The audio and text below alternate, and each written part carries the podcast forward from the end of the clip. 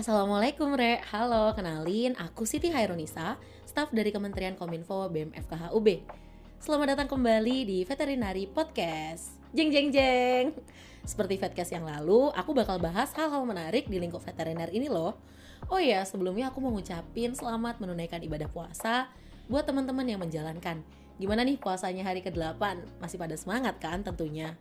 Hmm, ngomong-ngomong soal puasa dan Ramadan, ternyata nggak terasa ini jadi Ramadan pertama aku sebagai mahasiswa FKH yang banyak ups and down yang aku lihat tiap harinya. Nih ngomong-ngomong soal mahasiswa juga, kan nggak bakal lepas dari produktivitas mahasiswa setiap hari. Aku kali ini bakal sharing-sharing tentang hustle culture yang ada di kalangan mahasiswa nih tapi tentunya aku nggak bakal sendiri dong. Aku bakal ditemenin sama kakak semester 6 kedokteran hewan Universitas Brawijaya. Siapa sih dia? Pasti kepo kan? Jeng jeng jeng. Say hi tuh Kak Edwin. Halo Kak. Halo. Halo, gimana nih kabarnya hari ini Kak Edwin? Alhamdulillah kabar baik. Siti gimana kabarnya? Wih, aku alhamdulillah selalu baik dong nih aku walaupun baik tapi aku pengen curhat nih dikit. Boleh nggak kak? Boleh. Kan aku maba nih pastinya aku punya kesibukan di kampus. Apalagi semester 2 di FKUB ada 5 praktikum belum lagi matkul. Nah di praktikum itu juga kebanyakan pada tulis tangan bukan diketik. Belum lagi nih tugas kelompok kesibukan non akademik dan lainnya tuh jadi aku tuh kadang ngerasa dituntut banget harus bisa bagi waktu antara ngerjain tugas, ibadahku, kegiatanku yang lain. Dan walau kadang time managementku jelek banget sih kak jujur. Tapi ya aku tuh ngeliat teman-temanku pada ambis kalau ngelaprak tugas sama organisasi. Nah apalagi volunteer tuh. Aku tuh sampai sakit kak kadang ngerjain tugas sering bangun kesiangan. Kadang juga sampai lupa ngerjain tugas yang lain. Ih kalau dibahas sedih banget deh rasanya kayak bukan aku yang ngerjain tugas tapi aku nih yang dikerjain tugas. Gimana tuh kak? Oh mungkin kamu lagi kena fenomena hustle culture tuh. Itu tuh kayak fenomena gila kerja gitu sih. Jadi tuh kalau zaman sekarang itu ada yang namanya istilah hustle culture. Atau mungkin kamu lebih kenalnya itu istilah gila kerja gitu. Nah hustle culture itu intinya adalah kondisi kita pas lagi capek-capeknya buat nugas capek-capeknya buat kerja tapi lingkungan kita itu lagi produktif produktifnya gitu loh. Lagi apa ya lagi kerja keras banget gitu loh. Jadi mau nggak mau kita tuh harus kelihatan produktif harus kelihatan kerja sampai maksain diri kita gitu. Nah mungkin kalau dianalogiin kayak kerja kerja keras sebagai kuda gitu kali ya. Padahal hasil culture tuh bisa berdampak buruk buat kesehatan fisik dan kesehatan mental kita gitu loh kalau menurut aku pribadi sih hal kayak gitu tuh kurang baik ya. Karena seperti yang kita tahu sebenarnya segala sesuatu hal itu baik yang baik ataupun buruk kalau kita kerja secara berlebihan hasilnya juga nggak bakal baik gitu loh. Kemudian kita itu lebih baik kerja sesuai porsi yang kita mampu gitu loh. Kerja sesuai porsi kita gitu. Biar kita nggak kelebihan beban juga gitu. Karena dengan banyaknya beban kerjaan atau beban tugas kayak gitu bisa bikin uh, tekanan juga buat kitanya gitu. Entah itu tekanan secara mental maupun tekanan secara fisik yang tentunya bakal mempengaruhi kesehatan kita. Oh alah jadi gitu ya kak. Emang kita harus tahu kapasitas kita sendiri ya kalau ngerjain segala sesuatu baik tugas ataupun kerjaan yang lain. Nih kan aku nih maba ya kak. Baru offline tuh bentar banget. Sementara kak Edwin kan pasti udah ngerasain kuliah offline sama praktikum offline nih kalau dulu Kak Edwin pernah nggak sih nemuin teman-teman yang gila kerja gitu pas masih offline? Banyak sih. Kalau dulu itu sampai ada yang ngerjain tugas di dalam kelas, terus ngerjain tugas di depan lab kayak gitu. Karena emang waktu itu kan aku emang lagi semester 1 sama semester 2 ya waktu offline dulu itu.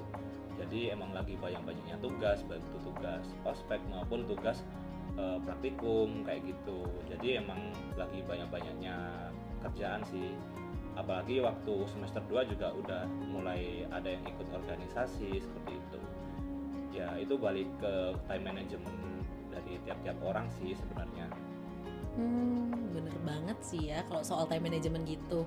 Oh ya ngomongin soal tugas ospek segala macam kan banyak banget. Nah kalau Kak Edwin sendiri tipe orang yang ngerjain deadlineer banget atau enggak nih? Kalau aku pribadi sih buat kerjaan yang bisa aku selesaiin langsung atau kerjaan yang gampang itu aku selesaiin dulu tapi buat kerjaan yang emang banyak ataupun susah itu aku cicil dulu dari bagian-bagian yang bisa aku kerjain gitu biar ke depannya aku nggak keteteran juga kayak gitu Oh, jujur ya, aku tuh orangnya deadlineer banget. Tapi denger kayak nyicil, kayaknya aku bakal semangat nyicil deh, biar nggak buru-buru gitu. Oh iya sih, ada nggak ya tips dan triks dari Kak Edwin biar kita tuh tetap produktif, tapi tetap dalam porsi yang seimbang sesuai dengan kapasitas kita? kalau menurut aku pribadi sih yang biasanya aku pakai itu kita harus tahu tuh eh, kemampuan sama kapasitas diri kita itu semana biar kita nantinya itu bisa nentuin eh, mana sih kerjaan yang masih dalam kapasitas kita atau kemampuan kita dan mana yang kerjaan yang di luar kapasitas kita kayak gitu. Terus kita juga harus pinter-pinter bagi waktu tuh antara waktu buat kerja buat belajar terus buat hangout sama teman-teman kita sehingga kita tuh bisa seimbang gitu loh. Memang mungkin nanti ke depan ada beberapa hal yang dikorbanin tapi seenggaknya hal-hal yang kamu korbanin itu yang bisa kamu korbanin juga gitu loh. Jangan ngorbanin hal-hal yang nggak bisa kamu korbanin. Contohnya kayak pendidikan kayak akademis kayak gitu kan kalau dikorbanin juga bakal ngerugiin kitanya juga gitu loh Hmm, bener banget sih kak. Tapi kan kalau soal time management kan masuknya ke internal ya, ke kita sendiri. Kalau yang eksternalnya nih kepo aja sih. Kalau kayak Twin sendiri punya nggak sih kayak support system gitu, biar bisa terus semangat ngelaprak, semangat nugas, kuliah, organisasi. Ya pokoknya semangat deh jalanin hidup-hidup hari-hari mahasiswa ini. Kan karena beberapa dari kita tuh saking capeknya nugas sampai stres, kadang dari segi kesehatan fisik mentalnya tuh turun kadang cuma kuliah datang terus pulang. Kalau menurut aku pribadi sih harusnya tiap orang itu pasti punya support system sih. Entah itu dari orang-orang terdekatnya seperti keluarga atau mungkin teman-teman terdekatnya seperti itu. Dan kalau misalkan ditanya kalau aku punya atau enggak ya aku juga punya terutama dari keluargaku gitu karena support systemku itu dari keluarga sama dari teman-temanku juga kan. Jadi aku merasa kayak aku tuh nggak sendirian gitu loh. Karena aku masih punya keluarga aku aku masih punya teman-temanku juga seperti itu oh iya bener juga. Berarti kalau untuk hindarin hustle culture nih bisa dari internal kita dari time management kita. Dan yang dari dijelasin kayak Twin tadi dari support system sih. Tapi support system nggak mungkin ayang kan? Nggak harus dong. Oh nggak harus ayang. Bisa yang lain nih. Kan masih ada keluarga sama teman-teman yang lain. Oh bener juga, tapi jujur aku juga punya support system. Kayak teman-teman aku yang produktif di kos, di kampus gitu. Jadi aku tetap bisa ngerjain tugas dengan semangat tentunya. Tapi kita dari tadi ngomong panjang lebar ini nggak terasa udah jam segini ya kayak Twin. Iya kayaknya udah lama banget ya kita tadi ngobrolnya Iya, gimana kalau kita cukupin aja terus kita lanjut next time.